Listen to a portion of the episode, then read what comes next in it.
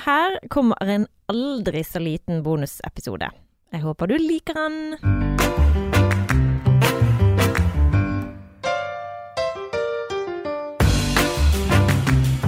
Hva er det vi krangler mest om? Ifølge flere undersøkelser eh, jeg har funnet på nett, så er det økonomi som topper listene. I et forskningsprosjekt fra 2014 kom det frem at nordmenn faktisk er de som krangler mest i Europa. Her var det da uenigheter om fordeling av husarbeid som tok førsteplassen, men økonomi det fulgte like etter.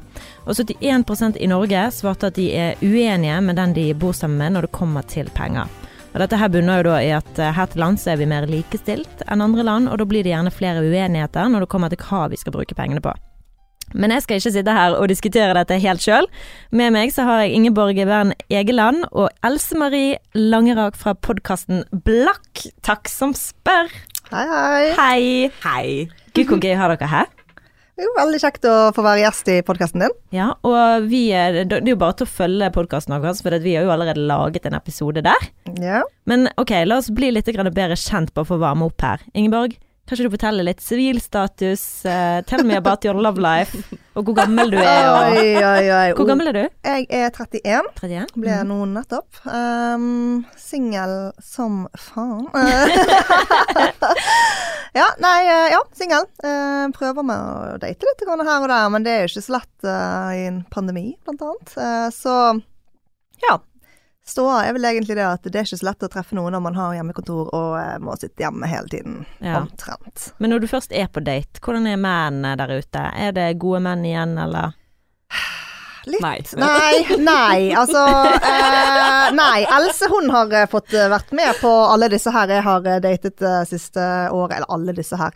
Men eh, ja, jeg, liker jo Jeg gir folk en sjanse. Jeg er out there, har lyst til å treffe noen. Jeg er klar for det. Jeg har alt i livet utenom en kjæreste. Altså, jeg må si at jeg er imponert over hyppigheten og på en måte gutsen her. Ja, men jeg, har- jeg har jo mange venner som er single, men du er nok den som går på flest dates, og som virkelig Ja, men du, Ja. du prøver å put yourself out there, og du gjør en innsats, da. Ja, og så går jeg på smell etter smell etter smell etter smell. For det er tydeligvis mange psykopater der ute, altså. Eller kanskje det bare meg som ikke liker det, så jeg vet ikke. Det... Men hva er Jeg tror ikke det er psykopater. Nei da, ikke psykopater, men ehm, Altså, det er jo alltid Veldig, veldig ofte så er det det at de gjerne kanskje først Det var en Han, han gikk all in. Han snakket om oss og fremtiden og ja, vi må reise dit og la, la, la, la. Altså, kjempetidlig. Vi hadde bare datet, liksom, vært på to-tre dates og snakket om at jeg kanskje skulle møte barna hans og sånn. Jeg bare OK, wow.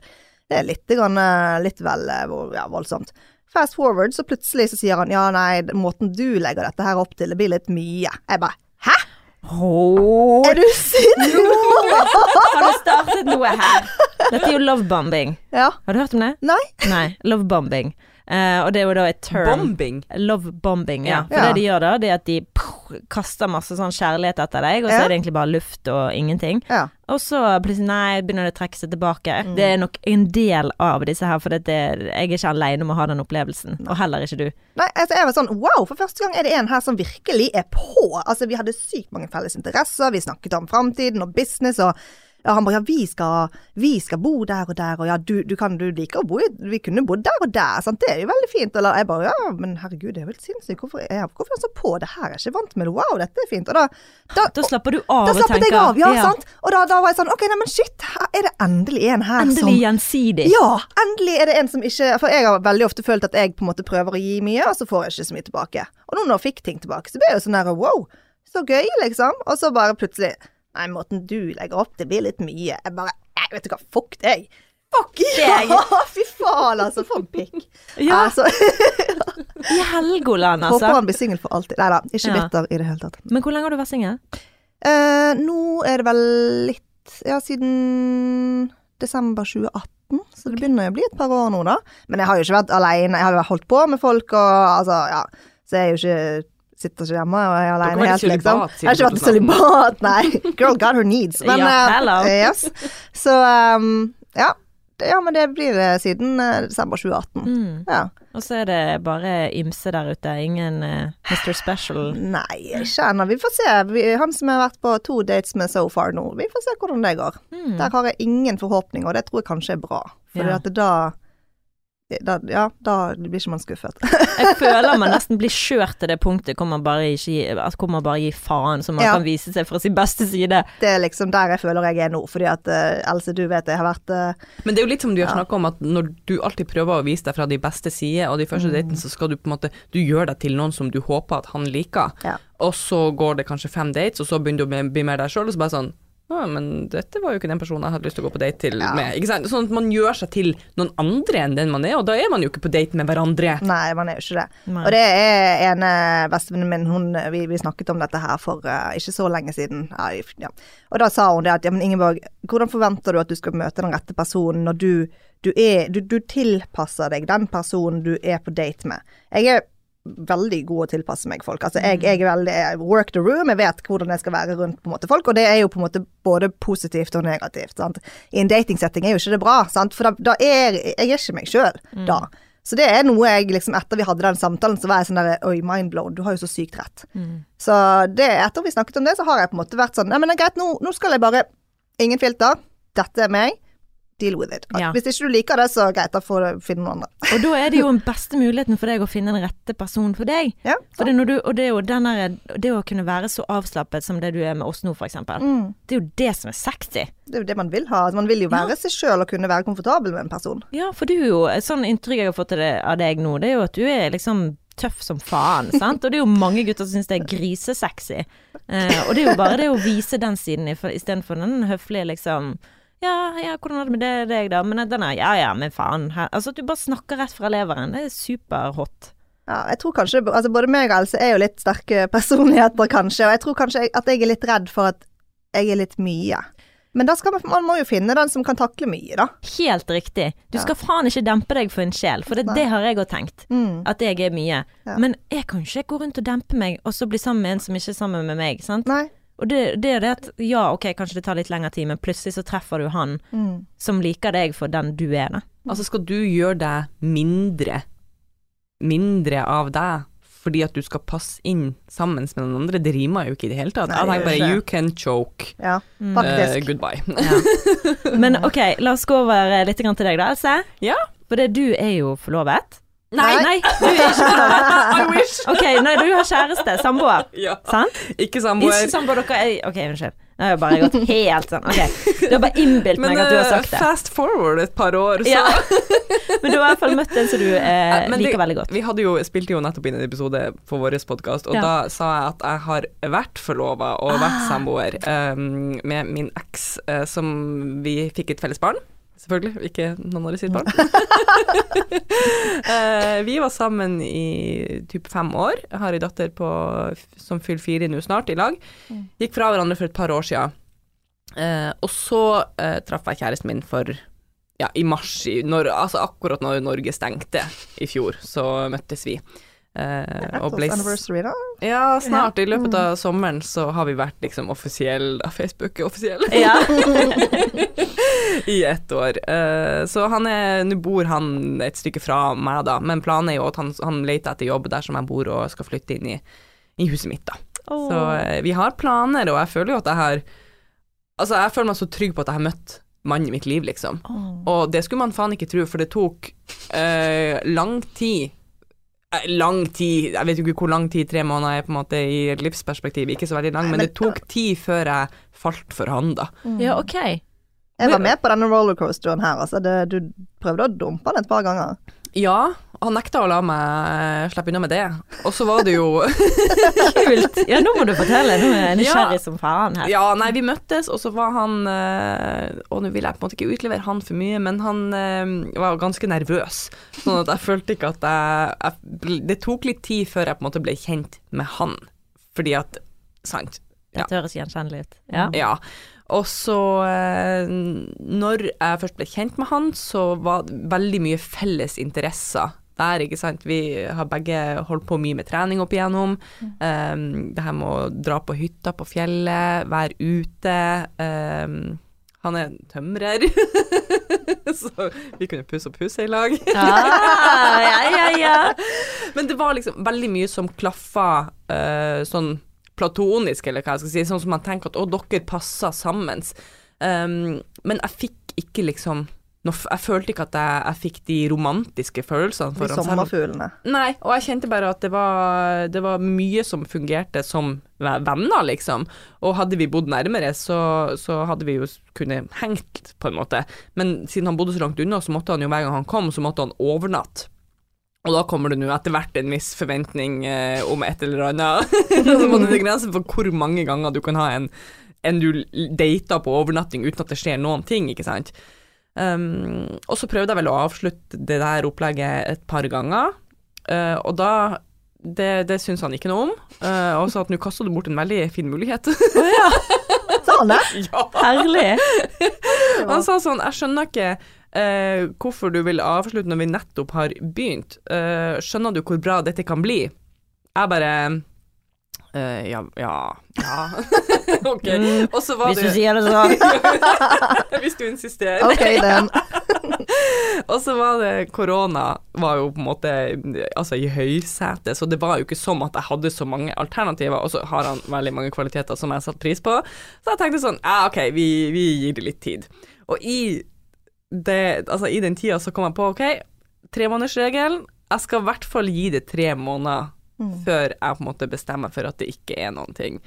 Uh, fast forward eh, tre måneder fra vi møttes, så ble vi liksom offisielt. Så, altså, det var som et pang, lyn fra klar himmel. Jeg ble så forelska så plutselig, liksom. Oi. Jeg bare, å ja. Ja, der var jo alle de følelsene som jeg hadde venta på, Oi. på en måte, og håpa at skulle dukke opp. Og så at det bare skjedde. Wow. Ja, og aldri Men hva var det som gjorde det, da? Hva, hvordan, hvordan skjedde det at det plutselig ble sånn? Jeg, jeg, jeg aner ikke. Nei. Det bare skjedde, og plutselig så var det liksom som om Det var på en måte bare Skuldrene mine senka seg, og jeg lot, lot det skje, på en måte. At jeg bare uh, hadde hele garden nede, Mm. og bare sånn OK, eh, nå som vi på en måte har blitt kjent, vi begynner å bli trygge på hverandre, OK, men da kommer de Det var bare, de bare kom strøm, altså, strømmende på.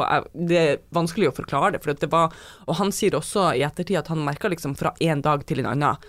Um, Forskjell på deg? ja, eller fra, fra liksom forrige Han var der i helg, og så kom han en torsdag. Uh, og han sa at den torsdagen var da jeg ble forelska i han, liksom. Han merka så stor forskjell. Ja. Det, er ikke det sykt? Det må ha vært gøy for han da, og bare liksom wow, endelig dette Ja, han bare sånn åh, det var godt å ikke, ikke gå rundt og være bekymra for at jeg, Ja. jeg skulle i neste melding at nå vil jeg ikke lenger, liksom. For det var jo det han gikk og var redd for. Så, og fra liksom den torsdagen så har det bare blitt bedre og bedre. Ja. Og vi, jeg skjønner jo vi er jo tidlig i forholdet, men jeg kjenner bare sånn, jeg kjenner at jeg har landa i livet. Er så digg! Men du, jeg elsker at vi snakker, eh, har snakket om akkurat disse tingene her, for da kommer vi liksom tilbake igjen til deg, Ingeborg. For det, at det vi snakket om i sted, sant? med Mm. at man trenger liksom den tiden for å bli kjent. For det, jeg kjenner meg veldig igjen i, i deg, og den at forelskelsen ikke er der med en gang. Mm. Og jeg vet at det har med å gjøre med at ikke vi viste hverandre vårt sanne jeg. Mm. Jeg hadde en sånn følelse, jeg husker vi hadde vår andre date i Amsterdam, og jeg var under armen hans. Jeg følte liksom at hvem som helst kunne vært den som gikk under den armen. Ja. Jeg bare følte at han gikk på sånn automatikk. Mm. Han var jo en som datet veldig mye, og før han møtte meg, var ikke vært i noe langt forhold. Mm. Lengste var når han var ett, ja, i ett år, når han var sånn 24 eller noe sånt. Så han var liksom bare vant til å bare ok, nå kjører vi, sant. Mm. Så jeg kjente veldig på den der eh, ja. eh, Det føltes liksom bare så awkward og unaturlig og ja, Hele datingen var bare automatikk. Sant? Han, en Ja. rutine han hadde øvd seg inn over mange år, sikkert. rett og slett. Ja. For det greien var at vi var jo hver vår og Skal ikke jeg ta den historien så veldig langt, for det at lytterne har hørt den før. Men han bodde jo i Trondheim, og vi snakket sammen på telefonen før vi gikk på date. Mm. Så vi hadde tre uker på telefonen, og det var akkurat som om der var det ingen sperre. Så Nei. da hadde vi liksom den der eh, Veggene var nede, og alt var naturlig, og jeg var jo kjempeforelsket over telefon. Mm. Men også møttes vi, og så kom all den usikkerheten inn, og alt som er menneske. Mm. Og så ble det bare annerledes. Så det tok òg veldig lang tid for oss, og lenger enn tre måneder, da, Mm. Mm. før jeg ble forelsket. Sikkert ja, sånn skikkelig, skikkelig forelsket. Det føler jeg at jeg er nå. Ja. Eh, og vi var sammen i fire år. Shit. Men ja. Uh, uh, ja, jeg ble vel forelsket kanskje Hvis vi møttes i 2017, kanskje ett og et halvt år etter Altså at jeg virkelig kjente liksom For det tok så lang tid for han å virkelig slippe meg inn i sitt hjerte òg. Ja. Og det er veldig forståelig, det er veldig komplisert greie. Man- men det har mye å si med de her murene som du snakker om, å slippe den garden, da. Mm. Og jeg vet jo at altså, man tør, eller jeg tør i hvert fall ikke å liksom gå all in og, og liksom ja, stor- Være sårbar. være sårbar før jeg får noe inntrykk av at den personen har liksom garden ned for meg, da, og er klar til å slippe meg inn. Sant? Så det mm, du er overtenker jo også Og jeg- jeg- absolutt alt. Jeg Det var- veldig Hun skulle på date en gang, og så en Og så prøvde hun å avlyse, da. Og så sier han ja, men nå har jeg to timer før daten, så jeg er så sliten, ikke sant. Så sier han sånn ja, men nå har jeg akkurat gjort meg klar til å møte deg. Og hun bare sånn hvem som gjør seg klar to måneder Nei, to måneder, to, to, to timer før en date, liksom. Du bare er ikke det veldig rart? Og da hadde du allerede liksom heist opp et stort rødt flagg bare for at han gleda seg til å møte deg. Mm. Ja, men det er jo fordi at nå har jo jeg Jeg har gått på utrolig mange smeller. Jeg har blitt så ut, Altså ikke for å være sånn sytete, eller sånt, men, men jeg har blitt så mye såret og skuffet at jeg Jeg liksom Jeg ser alt. Jeg legger merke til Mm. alt. Og det, det er liksom Det er jo kjempenegativt at jeg gjør det, for det, det gjør jo bare at jeg lager sperrer for meg selv og, og til å slippe noen inn på meg, da. Så um, det er vanskelig, det er det. Mm. Uh, og det er jo litt det Jeg har nok mye den der eh, Du snakket om at du har den Disney-prinsesse uh, Ja, prinsen kommer, og alt er liksom bare boom med en gang. Og jeg er sånn Jeg har gått og tenkt alltid sånn at ja, men når jeg faller Altså, jeg faller for folk fort. Og da faller jeg hardt, og da blir jeg skamforelsket, og da er det liksom Du er min person. Jeg er typ der. Jeg, vent, jeg, jeg, er litt sånn Hvis jeg ikke kjenner på sommerfugler med en gang, da er det ikke vits i å fortsette. Og det, ja. Ja, og det, det viser jo begge dere to at Mm. det er helt feil taktikk å tenke sånn. Jeg har jo tenkt akkurat sånn som deg, og eh, møtte da den personen som jeg har skrevet bok om, Mm. og tenkte this is it, dette er det alle snakker Ja, for om, det er at så du vet hva du vet. Ja. Så jævlig Mm. intenst, og du Mm. bare dette er den rette, fordi at eh, du bare føles Du er sommerfugl, du har den kjemien, alt bare Eksplosjon, ja. liksom. Ja. Rett og slett. Mm. Men det, og, og det kan jo føles litt skuffende når det liksom er noe som du har trodd på så iherdig, Mm. og så må du på en måte Det føles nesten ut som du settler, men det er jo ikke det. Nei. Og jeg tenker jo at selv om det vel, føles veldig godt å bli forelsket med en gang, Mm. så etter et år så blir man jo kjent. Ja. Og da kan det gå til helvete. Så det er jo egentlig greit at det går til helvete tidlig, i hvert fall sånn som det var for min del, Mm. fremfor å For etter et år så kan ikke du holde den der fasaden eller den der eh, Nei. Da blir man kjent med, ja, litt sånn som vi snakket om i deres podd, da. Forbrukslån og, og hva som egentlig ligger bak, hva verdiene til dette mennesket er. Ja. Så, og det er veldig lett å gjøre seg blind på det i starten. Mm. Ja. Men eh, ja. Kjenner dere igjen det jeg snakket om i forhold til For nå skal vi gå inn på det som vi faktisk skal snakke om i dag, som er økonomi. For det er jo Dere har jo startet en podkast som heter Blakk takk som spør. Ja. Kanskje dere sier hvorfor dere har startet den podkasten? Nei, altså for min del så er det jo fordi nå er jeg 30 år gammel. Eh, har levd 28 av de årene i på en måte økonomisk benektelse. Sånn, ja ja, 13 000 på mat i måneden, det, det må du vel være innafor. så eh, Og da, når vi på en måte Når jeg begynte å komme ut av den tankegangen som jeg hadde vært i hele mitt liv, egentlig, eh, så tenkte jeg altså, Jeg fikk en sånn her awakening. Altså, jeg tenkte OK, dette må flere. Flere må forstå.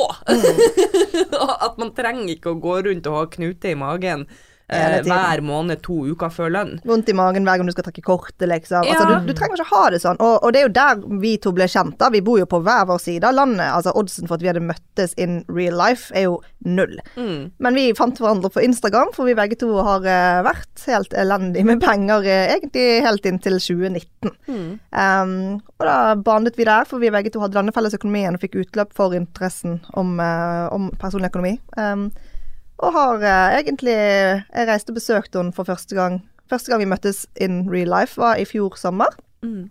Og da var vi bare sånn OK, helvete, vi klikker jo så jævlig som personer òg. Digger hverandre, liksom. Og vi, vi er veldig engasjert, og vi syns det, det er kjekt å snakke om penger sammen. Og vi brenner begge for å nei, eh, kommunisere informasjon om personlig økonomi på en forståelig måte. Mm. Og at, vi, at man Jeg vil slå et slag for at man er mer åpen Ja. om sin økonomi. For at der er så mange med forbruksgjeld her i Norge. Det er så mye skam. Eh, og det er så skambelagt. Ikke sant? Det å snakke om inntekten sin er eh, ulovlig. Eh, det, faktisk, det står i Norges lover. ikke ta det opp på pauserommet. Uskreven lov. ja, uskreven uh, lov.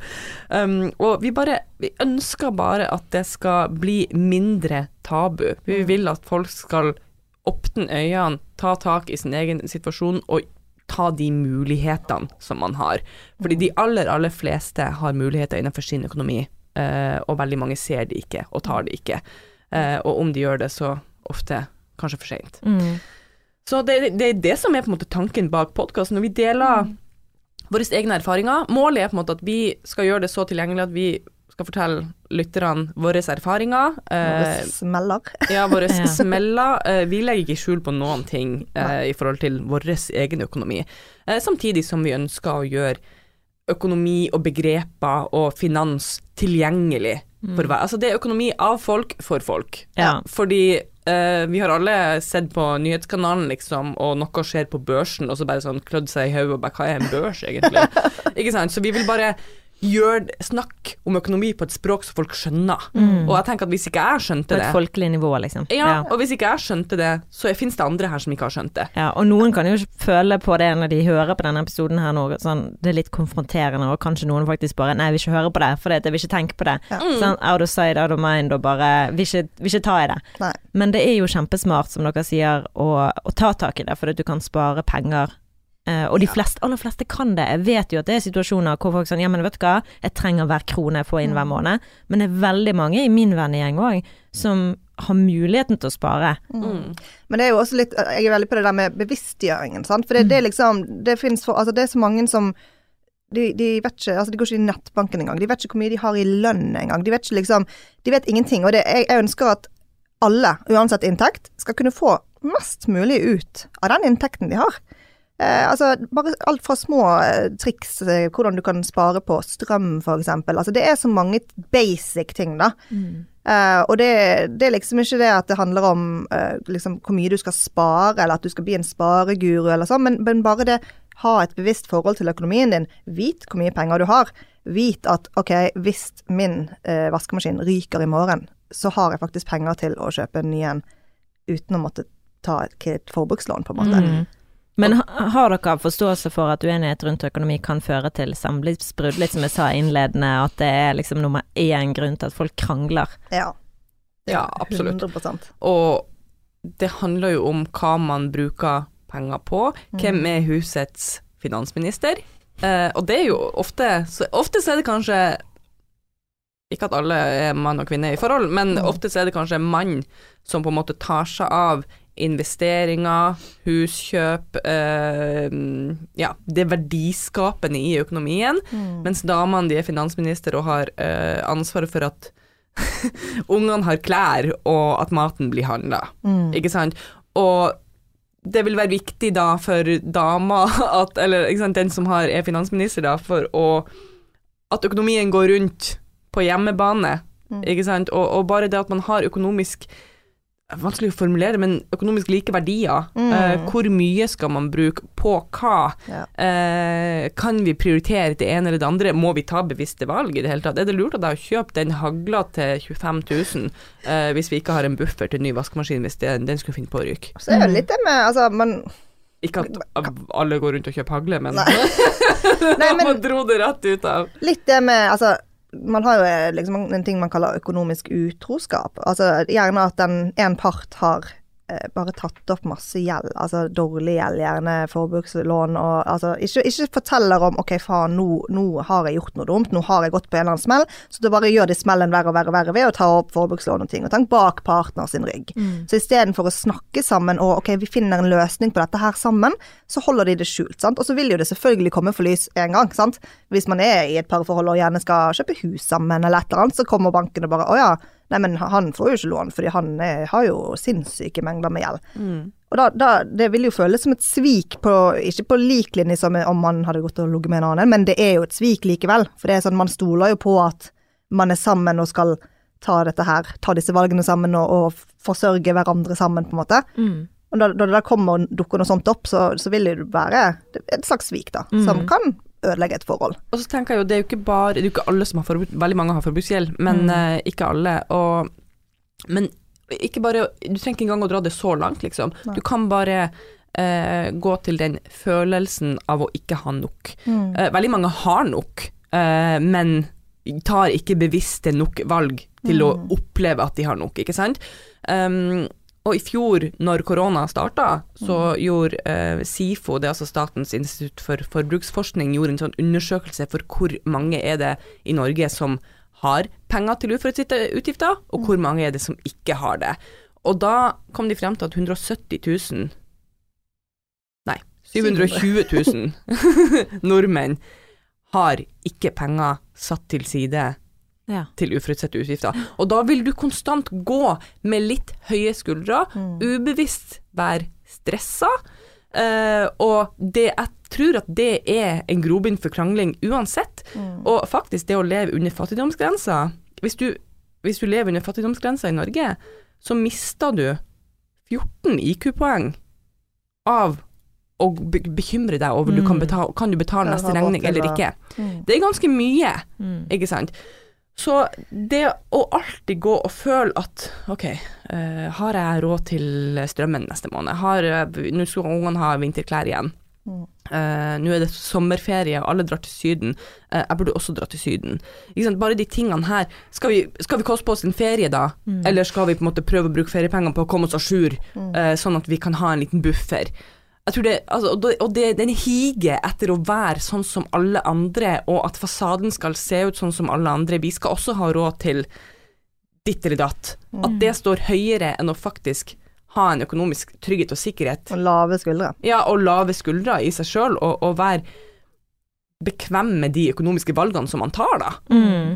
Altså, jeg var jo i, jeg var i et forhold for noen år siden der eh, Det var jo før jeg gatt economic eh, woke, holdt jeg på å si. Det, da var det sånn eh, vi, vi fikk en parkeringsbot på, på 900 kroner. Og da var det sånn der Å, fy faen, nå har ikke vi råd til mat resten av måneden, liksom. Bare, og, og da ble det selvfølgelig krangling. Liksom sånn Ja, helvete, hvorfor, hvorfor parkerte du der, liksom? Du visste jo at vi får bot der. Og liksom Mm. Hadde vi hatt satt av penger til en uforutsett utgift som det, da, så hadde jo vært Ja ja, ok, pytt pytt. Det vi fikk en parkeringsbot, det var, det var surt, men ja ja. Vi har nå satt av penger i tilfelle sånne ting skjer. Mm, og bare det, jeg krasja jo inn i typen min sin bil. uh, ja. ja jeg bare jeg Trøtt om morgenen, Jeg går i svime noen ganger. krasja inn i hans bil. Uh, og vi bor jo ikke sammen, sånn, så det er jo selvfølgelig mitt ansvar, men bare det å kunne um, tenke at det var kjipt, men jeg har egenandelen på forsikringa på konto, og mye mer enn det. Mm. Ikke sant? Bare det, og egenandelen min er på 8000, for jeg vil ha billig forsikring. Jeg tror jo at jeg er en strålende sjåfør. Uh, ikke sant? Bare det å tenke at 8000 er ikke noe stress. Nei, og det, det skal sies at verken meg eller Else eh, er noen som Altså når vi sier det sånn Å ja, det er ikke noe stress, vi har de pengene på konto. Det handler ikke om at vi har en høy inntekt. Nei. Altså vi er på rundt 500 000 begge to, eh, Ja. pluss minus. Mm. Og eh, det handler bare om at vi alle pengene våre har en plass de skal bo. Sant? Vi har kontroll, vi har liksom fått den oversikten vi, vi trenger å ha. Mm. Og satt av, spart opp nok til å, å ha en buffer da, til uforutsette utgifter. Og det er jo det dere har lyst til å lære andre, da. Ja. Ja, og. Du trenger ikke å være rik for å, å, å kunne ha kontroll. Nei. hvis jeg og, og han som jeg bodde sammen med før, da, eh, faren til dattera mi, hadde At jeg hadde kjørt i Kanskje ikke hans bil, da, men hvis hvis jeg hadde vært uheldig og kjørt i en stolpe eller noe sånt, og jeg visste at jeg måtte ut med 8000 i egen Altså, vi hadde ikke buffer. Nei. Eh, fordi at det, vi, vi prøvde. Prøvde, prøvde, prøvde. prøvde Klarte aldri å komme oss på en måte med hodet ordentlig Det var ikke det at vi hadde veldig lav inntekt, eller noe sånt, men klarte aldri å komme oss med hodet skikkelig over vann. Eh, og det er vel ikke hvis, hvis han hadde gjort det, og dæven jeg hadde eksplodert, hvorfor kjørte ikke du mer forsiktig? Ikke sant? Eller hvorfor, hvorfor kan du aldri se deg for? Selvfølgelig måtte du eh, knø deg inn i en stolpe bak der.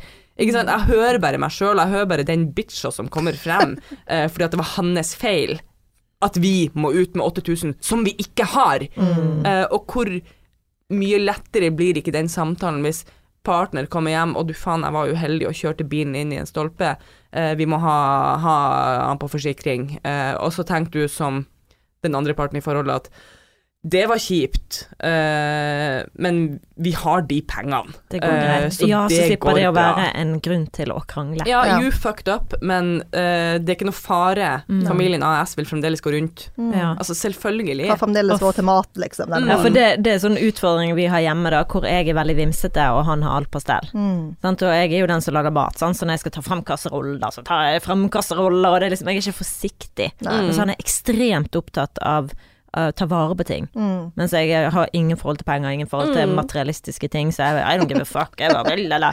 Sånn, så jeg har jo da knust den eh, over den platen. Induksjonstoppen, ja. Ja. Mm. Fordi at jeg har vært for hard, da. Eller liksom, det har kommet et lite hakk som jeg rett og slett ikke har sett engang. Han bare 'du, det har kommet et hakk her, vi må bytte den ut', Mm. fordi at det kan renne gjennom, bla, bla, bla. Ja, og det er ikke billig. Men det, nei, og da sa jeg men da får jeg bare betale det, da. Mm. Det går Mm. fint, det. Sant? Eh, for jeg tenker det ordner vi på et eller annet vis. Mm. Men det kunne jo blitt litt sånn Det kunne jo vært roten til en krangel. Ja, og sånn så, vi snakka jo det i den episoden som vi har i Black Tap som spør, men dere har jo ganske romslig økonomi Mm. til sammen. Eh, alle har jo ikke det. Nei. Og når det liksom går akkurat rundt, så vil en sånn induksjonstopp være et sånn her eh, skudd i kne, liksom. Ja, Hvor altså. OK, eh, skal vi spise havregryn da i to måneder? Mm. Ikke sant? Og bare det å Ja. Kunne, hvis man kan gjøre noen grep sånn at man ikke har de bekymringene, så Mm. er det veldig mye irritasjon som i hvert fall jeg tror da, som man kan unngå. Mm. Og også kan finne et slags felles verdigrunnlag for sin økonomi, Mm. eh, sånn at man er enig, og ok, hva, hvor, hvor går grensa for hva jeg skal legge meg opp i? Mm. Det kan jeg tenke, for jeg er veldig sånn detaljfokusert og jeg elsker jo kontroll på alt, men jeg skjønner jo at ikke jeg kan fortelle kjæresten min eller min framtidige samboer, forhåpentligvis ektemann, jeg bare sier det. ja. Men jeg skjønner jo at jeg kan ikke si til han at nei, jeg syns ikke at du skal kjøpe uh, energidrikk på butikken med dine penger, for jeg syns at det er en waste of money. Altså? Man må på en måte finne ut hvor går grensa for hva jeg skal legge meg opp i, Mm. og hva har vi råd til å bruke, hva er du komfortabel med å bruke, og hva er jeg komfortabel med å bruke. Mm. Tenker Og det er greit å ha man- mine, dine og våre penger. Ja, hvordan skal man legge opp økonomien? Skal man ha totalt felles? Er det noe som fungerer? Skal man ha delt, at man får på en måte en månedslønn hver, og så er resten felles, eller skal man ha det prosentvis Ja, ut fra er inntekt? ja, ut for det er jo litt morsomt at du Mm. sier, for jeg tenker liksom på hva gjør man når den ene tjener mer enn den andre? Skal man liksom hele tiden være enig i hva man skal bruke penger på? Det er jo en ting som er veldig vanlig, spesielt at da at mannen tjener mer enn kvinnen. Og så er det, så er det gjerne sånn mange sånn Ja, OK, men da betaler begge to betaler inn eh, 10 000 til felleskassen, da. Men si at han har 10 000 mer i måneden enn utbetalt enn det hun har, eksempel. Ja. Så, så vil jo, eller hun eller den, den ene parten har mye mer utbetalt enn den andre. Da blir det på en måte Det vil jo bli en skjevfordeling, for da vil den parten som har mindre utbetalt, vil alltid være blakk. Alltid føle seg 'Å nei, nå har ikke jeg mer Jeg har ikke penger til å gå ut og gjøre det og det med venne- vennene mine', og, og da, da blir det på en måte at en som føler at den henger liksom bakpå hele tiden, mens den andre har jo flust av penger, sant. Så da, da er jo det mest rettferdige er jo egentlig at man da tar det prosentvis. Men det spørs jo om Det- man er synes- åpen for det, sant? Ja, og så det spørs hvordan man er som person, og hvor Ja. viktig er det for deg å ha dine egne penger? Eller er det viktigst at dere er en enhet, ikke sant? Og, og jeg vet at veldig mange har helt felles økonomi, der en kanskje tjener mye mer enn den andre, eller kanskje de tjener likt, eller kanskje vil det variere hvem som tjener mest. Vil det være den ene eller den andre parten. At det, hvis man tenker på det i et livsperspektiv, da, hvis man ser for seg hvis man er gift og man skal være sammen de neste 60 årene, ikke sant, vil det da cirka jevne seg ut, eller vil det være sånn at en eh, tar en større bolk enn den andre? Men så lenge man kan komme frem til en ordning der begge er komfortable Jeg tenker jo at hvis, hvis jeg hadde tjent um, en million, og samboeren min eller eh, ektemannen min hadde tjent 500 000, så hadde ikke jeg følt meg komfortabel med at han skulle betalt inn like mye til fellesen Nei. som meg, for da hadde jo jeg sittet igjen med Altså, jeg kunne gjort hva jeg vil, som var mine penger, og alltid skulle spandere jeg, jeg, kan- jeg, kan- jeg kan spandere det, ikke Nei, sant? Det blir sånn nedlatende. Ja, meg. det blir, det blir på en måte Det ville vært feil, det ville vært feil for meg, Ja. ikke sant? Uh, for at da ville han alltid ha sittet igjen med så mye mindre. Um, så jeg tenker bare få det opp på bordet, gjør det til et dagsaktuelt tema. Hvordan ønsker vi å forvalte våre penger i familien? Vil vi ha det delt, vil vi ha det helt felles, vil vi ha en mellomting? Ønsker vi felles matkort, ønsker vi felles regningkonto?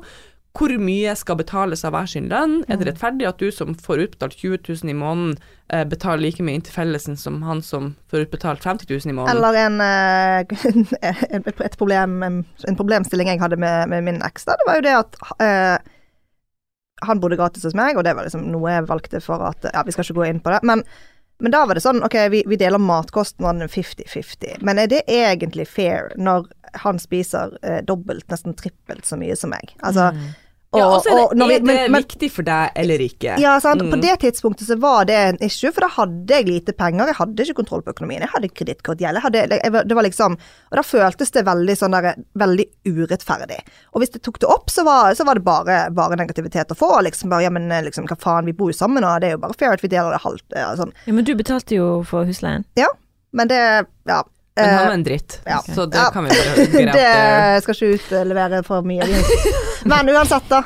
Um, Ikke at jeg kjenner han. Nei, men det, det endte ikke bra, for å si det sånn, da. Um, men, men det er jo på en måte igjen tilbake til det når man har for det første snakket om det, sant? at man har kommet fram til en hvordan skal man ha det og sånn. Og jeg tror at når man har kontroll, så blir det lettere at det ikke er et problem. For da er det litt sånn ok, men nå Det er ikke en bekymring, liksom. Men når, når du må snu på hver krone, så blir man mye mer fiendtlig og mer sånn derre Nei, vi skal ikke bruke penger på det. Nå- Jeg Ja, fordi ha det det glasset det. er allerede helt fullt, så kommer det én dråpe til, så renner det over. Ja. Ikke sant? Og det var også som, som det om å ta bevisste valg, da. Mm. Uh, hvis man Ja, la oss si at jeg hadde samboer, da, og så eier jeg huset mitt. Eh, og så skulle han ha betalt halvparten av boliglånet mitt, og halvparten av sant, driften av huset, kommunale avgifter og sånn. Da ville jo han betalt ned på min verdi, Mm. uten å, uten å opparbeide seg noen verdi sjøl.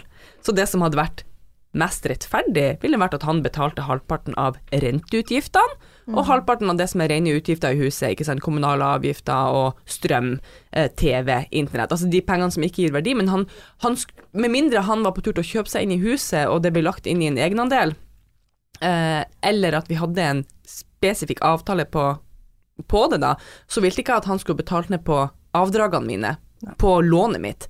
Fordi at om det skulle bli slutt, så er det mine penger, og så har han i ti år da betalt inn på min verdi for at jeg skulle sitte godt i det, og så går han ut med ingenting. Det er jo mange Altså, jeg har fått, uh, fått folk som har skrevet til meg på, på Instagram der de er sånn Ja, nå jeg sitter igjen med, med ingenting. De har da vært uh, samboere i, i 15 år, der mannen har eid huset og uh, betalt ned på lånet der og alt sånn.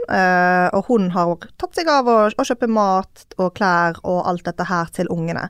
Og så ble det slutt, og da sitter hun igjen med ingenting. Fordi at det er jo ingen som De bryr seg ikke om at ja, ok, men du har betalt for de tingene der, men vi ser ikke en eneste transaksjon inn på boliglånet her, så da, da, da sitter jo du med ingenting. Mm. Men hun har jo betalt ned på hans lån, fordi at han har jo ikke hatt disse andre utgiftene, sant. Så um, Mm. Jeg tenker bare at så mye krangling kan være unngått hvis man om tar disse tingene når man er lykkelig. Ja. Ikke sant? Og, og, og bare, bare få det opp på bordet, vær litt sånn spørrende, undrende. Eh, hvordan tenker du om ditt eller datt? Ja, for dette var det egentlig jeg skulle gå inn på nå, da. For dette kan jo være veldig vanskelig og betent å snakke om med penger. For la oss si at den ene liker å spare, mens den andre sløser, da. Mm. Hvordan kan man ta det opp uten å skape den krangel? Hvordan kan man gå inn på det temaet? Vi er jo øh, direkte folk, ikke sant, så jeg, jeg spør jo bare. Mm. Men alle er jo ikke sånn, øh, og jeg tenker også at økonomi er veldig sårt Eller ikke kanskje sårt, men ja, både sårt og tabu Mm. og øh. For det kan hisse, det, folk kan hisse seg opp, sant. For det, det Ja. er sånn, sånn som det du snakker om der, det, det temaet med at han eier, og hun eier ingenting, og så sitter hun igjen med ingenting. Hvis hun da tar det opp, så er det sånn, ja, men det er jo jeg som eier Det er jo Det er jo kjøpte jeg som har kjøpt det, jeg har brukt penger på det, det er mine penger, det er Mm. jeg som Du har jo faen ikke lagt ut en krone. Ja, du har betalt matklær mat, klær her og der, men hvor mye er det egentlig, da? Mm. Sant? Og så har man egentlig ikke noe kontroll over det, men det blir en den der eh, skikkelig sånn mitt, det er mitt, du skal ikke ha noe av det. Mm. Og så kommer det så an på personligheten for den man skal ta det, eller på den man skal ta det opp med også. Mm. Men la oss si at det er folk som er snakkende til det, liksom, så tenker jeg jo ok, eh, kan man spørre sånn hva du, hva du syns om vårt forbruk, eller om eh, hvordan vi legger opp økonomien. Eh, er du interessert i at vi tar en gjennomgang? Skal vi se litt på hvor mye La oss si at du mm, Han snusa, da, eller hun. At en snuser og bruker kanskje Altså snus, det Hvor mye kan det gå i måneden? Uff, du, det tusen? Jeg skal ikke henge ut noe, men jeg, ja, jeg, har, jeg kjenner noen der en av partene eh, bruker eh, jeg tror det er 6000 kroner eh, på snus i måneden. Ja, la oss si Altså, at og det, det er en rot til krangel, fordi at ja.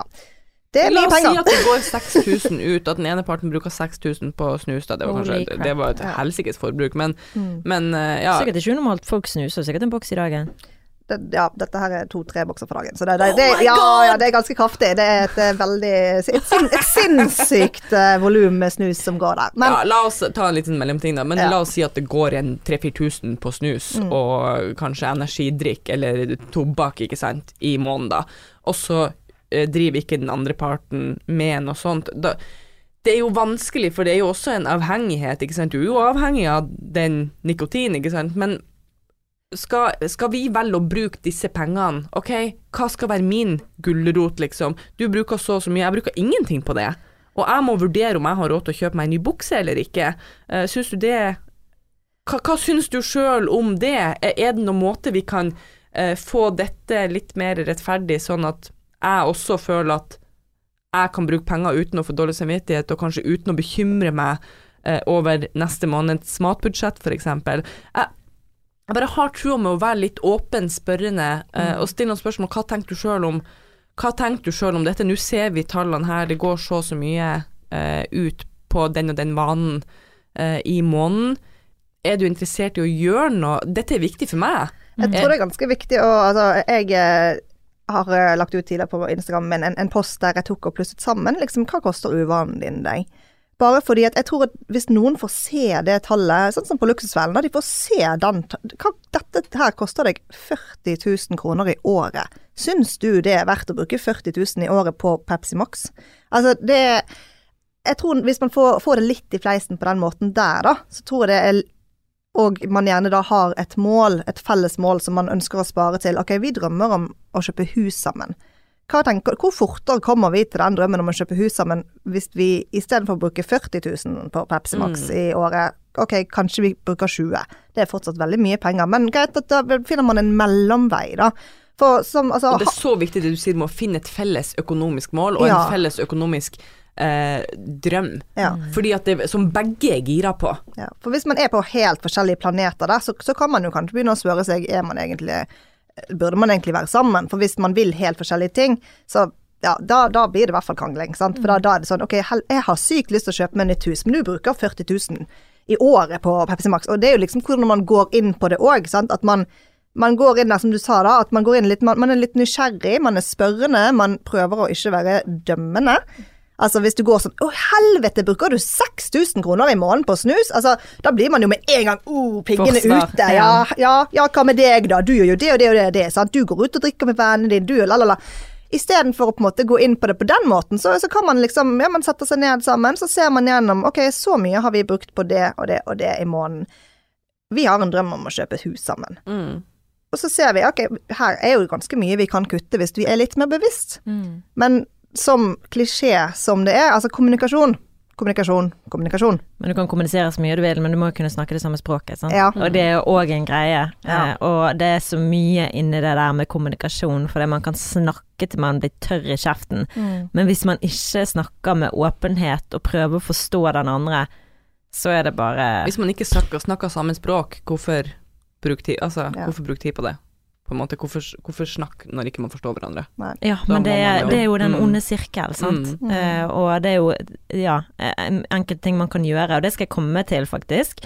Uh, en sånn uh, Funnet en liten oppskrift Mm. til hvordan man kan ta en samtale uten at man Altså være mer åpen, da. Mm. Så en sånn oppskrift, så den skal vi gå til. Men jeg har funnet en Nordea-undersøkelse fra 2012 som viser hva ting innenfor økonomi da, som irriterer oss mest med den andre i forhold. Mm. Så nå skal vi til topp eh, ni. Og nummer én er at de lukker øynene for den økonomiske virkeligheten. Ja. Og nummer to gjør store innkjøp eller treffer viktige økonomiske eh, Tar viktige økonomiske beslutninger uten å snakke med den andre først. Mm. Nummer tre uvillighet til å dele på fellesutgiftene. Mm. Fire har aldri noen penger til overs ved slutten av måneden. Fem for høyt forbruk på egne hobbyer. Seks gjerrighet. Syv Stiller kritiske spørsmål til den andre siden forbruk. Åtte. Overlater de vanskelige økonomiske beslutningene til den ene personen. Og nummer ni. Ikke flink til å spare. Mm. Mm. Det er jo egentlig en liste av alt det vi har snakket om her, nesten. Ja, det er jo det. Er jo det. Men Mm. sånn, for vi snakket jo litt sånn, sånn i forhold til forbruksgjeld og sånn, og ting. Men la oss ta det sånn skikkelig smått, da. I hverdagen. Hvis den ene er hele tiden, la oss si at man er alt delt 50-50, Mm. alt er på stell, og så er det den ene som alltid kjøper middag, eller går på butikken. Det er den ene i forholdet som alltid gjør det, og de føler liksom det er alltid vi, det er alltid jeg som, som handler. Da er det jo veldig smart å ha en sånn felleskonto. For det, det Mm. her har jeg hørt, og det, og det burde egentlig passe for venner som bor sammen òg. For dette har du gjerne den ene som alltid kjøper dopapir, den ene som alltid tar disse faste tingene som man Mens den andre bare lever på at den andre er grei. Mm. Jeg tror det er ganske vanlig å ha en, eh, altså en felles konto. Det går jo veldig fint an å ha to kort tilknyttet samme konto, og så er man begge disponenter og kan ha innsyn i den kontoen. Så setter man inn en fast sum begge to. Mm. Enten prosentvis ut fra lønn, eller du setter inn 5000, jeg setter inn 5000, og så er det til felleskostnaden vår.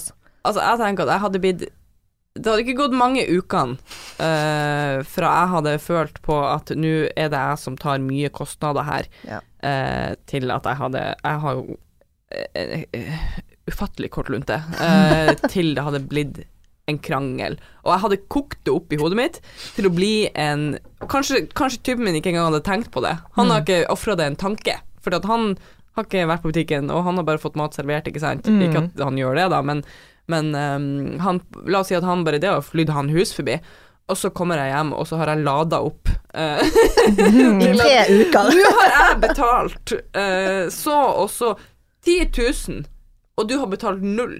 Hva har du å si til ditt forsvar? Ja, det er jo veldig skummelt. Ja, herregud. Uh, han vil jo sikkert vippse meg 5000 med en gang. Ja. ja. Men ikke sant, altså det, det skulle gått veldig kort tid for at jeg følte at eh, jeg tok mye av utgiftene da, Mm. til det hadde blitt Ja, et tenk- tema. Ja, og jeg tenker litt sånn at da man, Så lenge man er bevisst på det, sant, og man derfor, Det er jo sånn, det handler jo om å snakke om det. Ja, det, man, ja, det er liksom at du, du har det på det rene. At man OK, ja, men jeg handler inn maten, men vi deler det på to. Og det må jo være lov. Eller vi har en felles, et felleskort som brukes til Ja. det. Som begge putter penger inn på, sånn at det blir likt. Og det må jo være lov å si at hvis eh, La oss si at en av oss hadde kommet hjem til våre eh, bedre halvdeler og sagt at nå er det sånn at jeg betaler eh, for all maten. Um, syns du at det skal være sånn? Og hvis eh, han da svarer ja, det syns jeg. Beklager.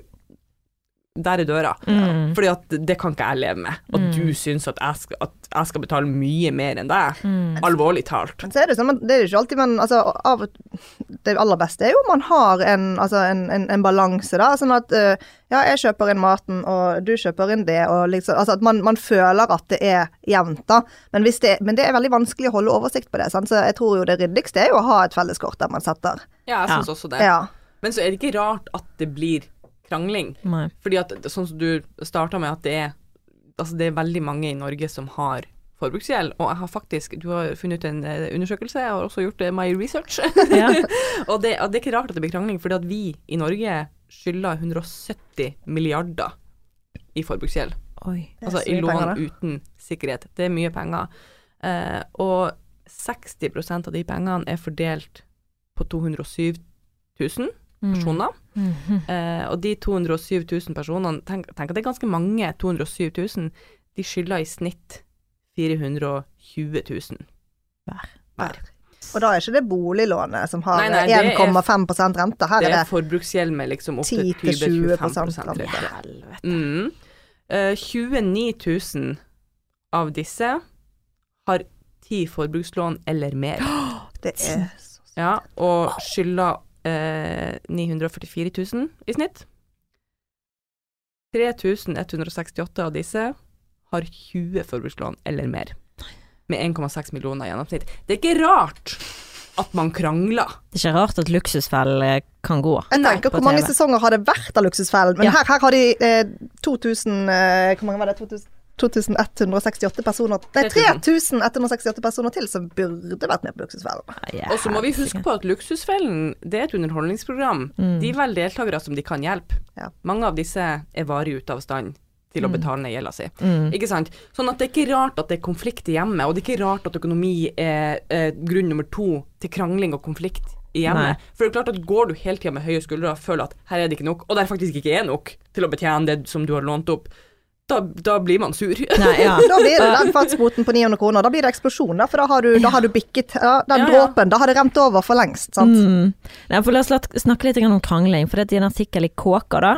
Um, så sier psykolog og samlivsekspert Eva Tryti, som hun heter, at par som er flinke til eh, å ikke komme med sånne sårende personkarakteristikker og såkalte sånn universelle påstander, som egentlig du snakket om i sted. For du er alltid sånn, du gjør al- aldri dette. Mm. De har større sjanse for uh, å få forholdet til å vare hvis ikke de snakker sånn, og det er jo sinnemestring, det er det det kalles.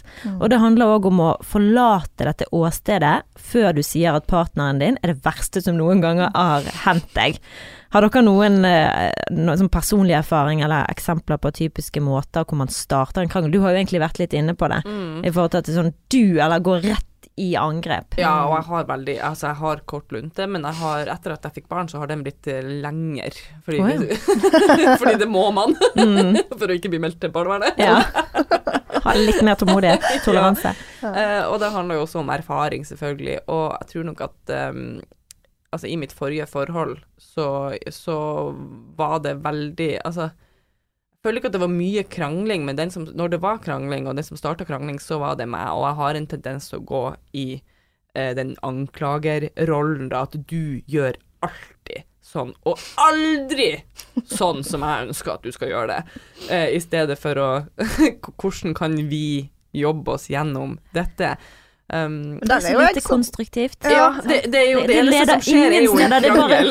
Ja, og det er jo det som er så dumt, vi er ikke bevisst på hva vi gjør. For at vi er bare ute etter å besky eller liksom stå opp for oss sjøl, eller kjefte Mm. eller ta noen, sant. Men det vi ikke innser er at dette er jo skadelig. Jeg forgifter jo meg sjøl ved å snakke sånn. Jeg ønsker jo bare å vinne den krangelen. Ja, Ja, men du vinner jo ingenting. Nei, nei, og hva skjer? er det. Nothing! Ja, nobody wins. så er samme krangel. Ja, begge taper. Så jeg tror at jeg har blitt bedre på det nå. Ja, Jeg tror det kommer mye med modenhet også, og erfaring. Altså, jeg eh, Og lærdom. Og lærdom, ikke minst. Altså, jeg, jeg vet at jeg òg har vært veldig sånn her Ja, du har gjort det og det, lalala. Men, men, jeg tror det liksom man, jo, jo eldre man blir, og jo mer erfaring man får seg, så, så får man litt mer selvinnsikt også, forhåpentligvis. Ikke alle som gjør det. Men, men da er det litt sånn, OK, før du eh, kaster kniv på partneren din, kanskje du skal se litt på deg sjøl. Liksom. Er du så mye bedre? Er det heller mer OK, er dette noe vi kan løse sammen? Altså Her snakker jeg som at jeg er forholdsekspert, jeg er den mest single av alle her. Men eh, jeg tror jo det at jeg, jeg, jeg har jo gått på mange dates, sant? og da, da får jo jeg på en måte to, møtt ja, mange folk, kan man jo si, og eh, ser liksom hvilke typer folk er, og hvordan folk fungerer. Hva er det som trigger den personen? Hva er det som den personen får trigger hos meg? Hvorfor reagerer jeg på denne måten her? Og det ja, Nå bare går jeg litt ut i ingenting her, men, men det er liksom Ja, men det er også liksom Hvem er eh, en kranglete type? Nå har jeg en Ja. tendens til å finne mannfolk som hater å krangle. Å, så deilig. Og, nei! Oh, nei. Jeg elsker en god krangel. Man vil alltid ha det man ikke har. Det er jo bare klassisk. For de det er er bare jo rolig og eh, ikke konfliktsøkende i det hele tatt. Ikke sånn at de ikke vil konfrontere meg med ting eller noe sånt, men hvis jeg eksploderer, og så er de bare sånn De bare ser på meg, og jeg bare sånn Skal du ikke svare? Og da blir jeg enda surere. Ja, men det, det er noe jeg, tror at jeg trenger å finne meg. Og litt sånn som du fortalte om din forlovede, da. At han er på en måte Han grounder deg. Mm. Jeg kommer nok Altså, jeg har lett for å se etter noen som er som meg, sant. Men altså, jeg er jo Jeg òg gjorde Ja. det. Jeg òg gjorde Jeg er jo sykt mye. Og, Og eh, jeg vil ha en som er mye og gøy og la, la, ja, la, Ja, sant. Vi Ja. bare vi gønner på. Vi er Ja. all over the place. Vi Ja. liksom finner på alt mulig sånn. Og det, men altså Det trenger vi ikke. Det er ingen som vil ha oss på Ingen trenger to av meg. Det hadde blitt jævlig Jeg slitsomt. går og letet hele tiden, skjønner du, når jeg var singel, etter en som meg. Ja. Og eh, det, det Ja, jeg endte jo opp med en som ikke Altså, på grunnverdier ja, men Ja. personlighetsmessig nei. Nei, og det er liksom det, grunnverdiene, ja, de må være på plass, men jeg tror jeg må finne en som er litt mer ground. En som kan grounde meg, da. En som ikke liksom eh, Denne eksen her som det gikk ganske til helvete med, vi, vi var begge sånn, vi fyrte oss opp, og vi fyrte hverandre opp, Ja. og vi, vi bare øh, liksom klikket på hverandre, og liksom Det var så mye stygt, sant. Det var, det var ikke hyggelig i det hele tatt. Vi har en god tone nå, da, men altså, det var bare Det var katastrofalt. Eh, og jeg tror jeg trenger å finne en som er egentlig helt motsatt av meg. Altså, Mm. jeg òg har ganske kort lunte. Jeg er en ø, overtenker som Jeg er ekstremt Jeg ser alle detaljer. Litt sånn der Ja, hvorfor gjorde han seg klar to timer før? Altså, det er jo sinnssykt rart. Ja, du må kanskje ha noen som er sånn her Er det nøye om jeg gjorde meg klar to timer før? Ja, sant? Jeg trenger en chill. Jeg tror jeg må ha en fin. Ja, sant. Jeg tror jeg trenger en som er chill. Og det er sånn Nå har jeg Jeg har pusset opp badet mitt nå i mars, så da har jeg bodd hjemme hos Sammen med min lillebror på 15. Og han, altså jeg neger på han. Jeg er sånn å herregud, hvor vanskelig er det å sette det fatet inn i oppvaskmaskinen istedenfor å sette det på benken. Sant. Og la oss spole tilbake. Hadde det, hadde det vært min eks, da Altså, Så- det er 20 cm. ja, ja, det er 20 cm. Det burde vært lett. Men anyways, det er ikke poenget. Poenget hadde det vært min eks, da, så hadde han klikket, og vi hadde bare «Øy, 'Du klarer aldri ryddig, ja, du da, du plukker ikke opp det', og øh, sånn. Mens min Jeg tror jeg Ok, det er sykt å si man må finne en fyr som en bror, men en type personlighetstypen, da. For der er han. Han, han liksom bare Chill, da. Jeg skal, jeg skal ta det. Liksom, han er veldig sånn frekk, men chill. Han er så avslappet. Og, og når jeg liksom klikker og blir skikkelig sur, så sier han sånn oh, Why so mad? Altså, han blir ikke sur. Ja, han gjør det om til noe morsomt. Ja, og Ja. da syns jeg altså Selvfølgelig, det kan jo være irriterende det òg, å gjøre som du sier, at du blir mer sint da, men da blir jeg mer sånn Ja, OK, nå er jeg litt urimelig. Vet du hva, jeg føler jeg kjenner meg så igjen i deg at det er nesten skremmende. For jeg har søsteren min Jeg føler jeg òg altså, passer veldig godt til hennes type, da. For Ja. hun òg er veldig sånn rolig, og jeg er bevisst nok på at jeg kan si liksom OK, nå var jeg en asshole. Ja. Så det hjelper veldig. For, min kjæreste er sånn som fyrer seg opp, altså. Ja. Så vi kan bli sånn. Eh, Men heldigvis er vi veldig bevisst. Men hun òg, hun får meg til å tenke at jeg burde skjerpe meg, uten at hun trenger å si det. Ja. Fordi hun på en måte balanserer meg. Hun er så utrolig rolig, og jeg får dårlig samvittighet. Ja. Så, men ok, la oss bare snakke om det typiske kranglescenarioet, eller ett typisk kranglescenario. og det er jo å krangle om hvem sin tur det er til ja, vaskeovnen, eller for eksempel at den tallerkenen ikke blir satt inn, eller ja, i hvert fall banale ting. Mm. Man har sånne små tullete irritasjoner som plutselig blir stor. Og på en nettside som heter scienceofpeople.com, så lå det en sak med en veldig fin oppskrift eh, på hvordan man eh, kan komme til bunns av problemet, istedenfor å snakke om ubetydelige symptomer som tallerken og sånn, for det er jo noe da som irriterer deg som ligger bak det. Så du kan jo være med på denne her, eh, Else, kanskje du det? Så kan jeg være kone, og så kan du være mann. Ja. Ok? Så da sier jeg Skal jeg være kone? Nei, jeg skal være kone, du er mann. Å oh, Ja. Ja. ja, ok. ok, så sier jeg sånn Jeg er veldig lei meg akkurat nå. Skal jeg være aggressiv, eller skal jeg være eh, snill? Eh, det kan du Nei, du skal være snill. Hvorfor har du det sånn, kjære kone? Jeg trenger mer hjelp i huset. Hvorfor føler du det?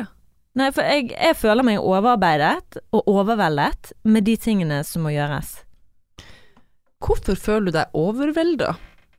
Jeg, det føles bare ut som alt hviler på mine skuldre, liksom, til syvende og sist.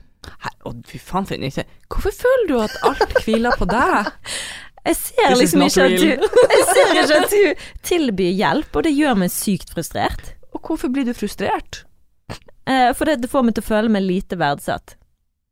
Og det var det, da. Mm. Så det, jeg skjønner hva du mener med at det er irriterende, men poenget er at hvis du stiller mer spørsmål for å prøve å forstå den andre, istedenfor å sette deg i forsvar, men liksom 'Å, nå kommer du igjen', liksom, sånn, så kommer du så mye lenger Men kan han ikke bare si sånn, og det skjønner jeg, eh, hva skal til for at eh, du skal føle deg mindre frustrert, eller mindre overveldet? Ja, men, sånn, men men, ja. er det, ikke, det faller jo ikke naturlig for alle å si det. Sant? Altså, Neida. hvis det blir eh, sint fordi at noen ikke har ryddet inn i oppvaskmaskinen, så Og jeg beklager at jeg var en dårlig sensitiv mann, men, eh, det, det, går helt fint. men det hadde jo Men jeg tenker jo at det handler litt om hvordan man eh, møter den frustrasjonen, da. Mhm. Men jeg har et bedre tips enn det der. Okay. Og det er med tanke på uh, tallerkener og sånne ting. Og uh, this coming from a very aggressive person. Mm. Og det er rett og slett regel nummer én i et forhold, lær deg til å gi faen, og bare ta det sjøl. Fordi at eh, Sjansen er stor for at de er blinde. og ikke se De kommer aldri til å lære seg å se den tallerkenen.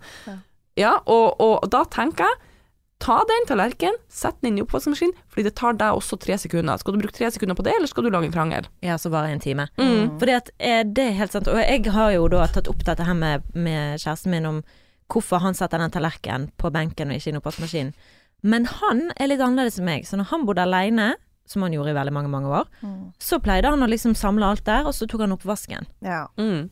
Um, mens eh, jeg er vant til å ta det med en gang, for jeg liker ikke at det ligger. Nei, Så det er jo bare det. Det er jo ikke det at han liksom re ikke respekterer meg og bare sånn 'Den kan Martine ta'. Nei. Uh, og nå som Fuck jeg you, jeg setter den her, jeg. Ja. det er jo ikke det, Det bare tanker ikke. Nei. Altså, blir han irritert hvis du gjør det? Nei. Nei. Han, ser det ikke, han er blind. Jo, han, han kan faktisk bli irritert hvis at jeg ikke rydder verktøy og sånn etter meg. Mm. Men det er jo noe vi har liksom blitt veldig bevisst på, da. At ok, jeg kan gjøre litt feil her og der. Og nå som jeg For nå har jo eh, egentlig rollene endret seg litt. Han er jo offshore nå. Så nå er han hjemme i fire uker.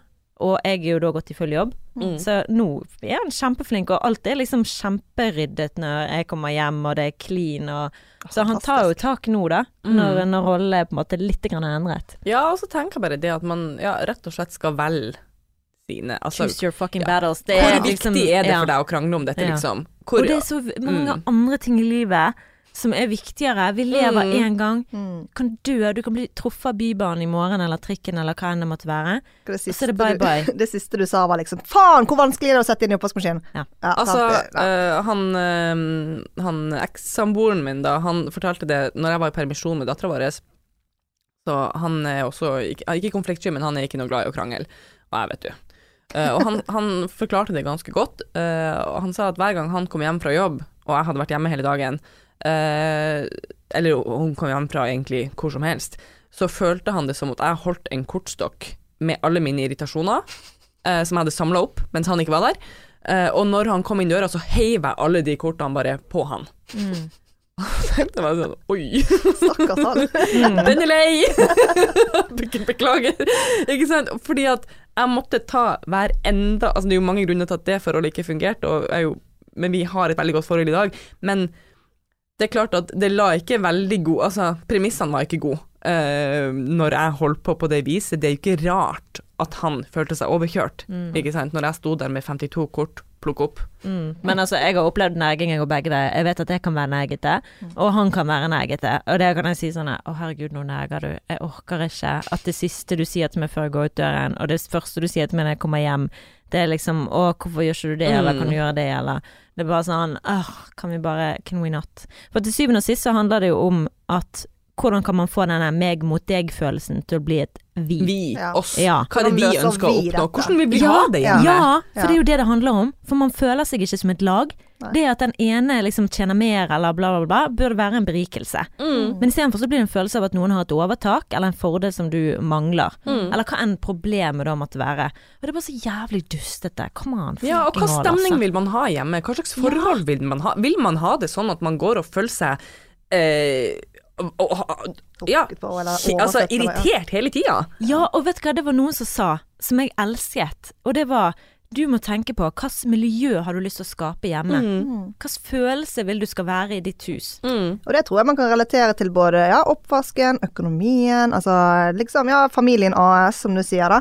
At man ja, setter seg ned sammen, finner ut hvordan vil vi ha det her, med, med alt dette da. Økonomien, øh, hele pakken. Det Mm. er liksom relaterbart til. Og man er ansvarlig sjøl Ja. for å ikke hisse opp for den minste lille ting. Nei. Og på, for å være åpen. Og det, altså Det er jo, altså man Ja. er jo et team, forhåpentligvis. Det, jeg tenker jo eh, som singel, jeg tenker hele poenget for meg å skulle finne meg en partner, er jo ikke fordi at jeg har lyst til å finne en jeg kan nege på, eller jeg har lyst til å ha en som vi kan skape dette livet sammen. Vi kan sette drømmer sammen. Vi kan liksom ja, nå mål sammen. Finne ut hvordan vi kan få det til å fungere sammen. Og det har jeg sagt til min kjære på vårt, eh, våre verste perioder. Så har jeg sagt sånn Hvis jeg hadde lyst til å på en måte Altså, når jeg hadde kjipt sammen med noen, så kunne jeg like gjerne vært, vært aleine. For Ja. jeg skal ikke være med deg for at vi skal krangle om ditten og datten, eller Altså, det er sånn, det må være oss to, vi må kunne backe hverandre, for hva faen er ellers er vitsen? Nei. Da kan jeg heller være aleine, for det, det er mye mer chill. Da Ja. Og det slipper er du faktisk- der konfrontasjonene. Altså livet mitt som singel. Jeg, jeg har det så bra. Jeg har alt deilig. Mm. på stell. Jeg har liksom Altså for at jeg skal slippe noen inn i det,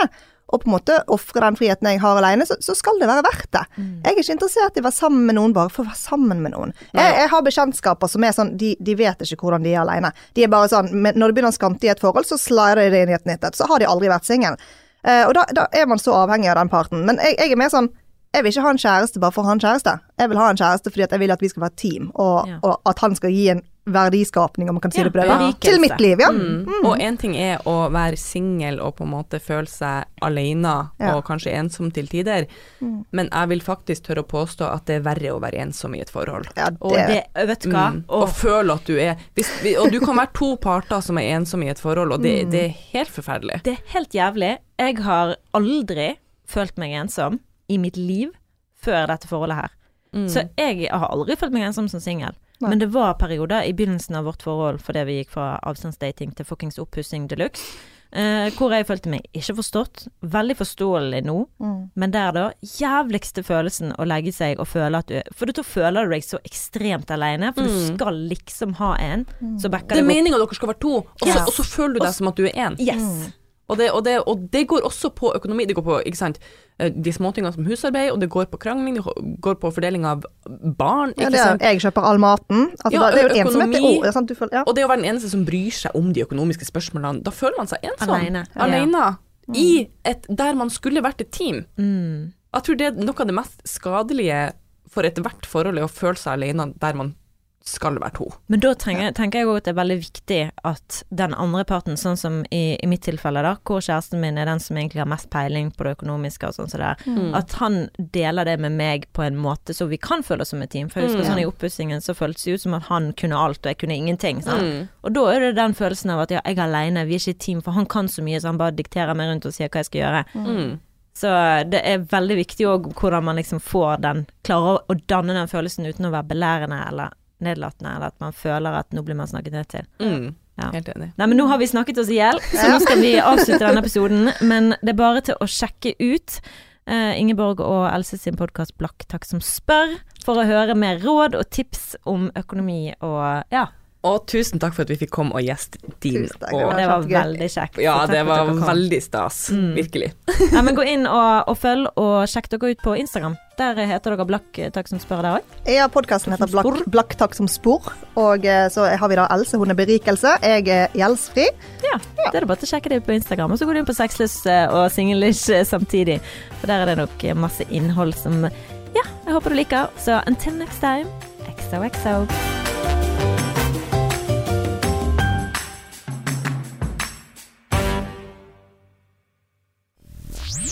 XOXO. mainstream. Mainstream. Mainstream. Mainstream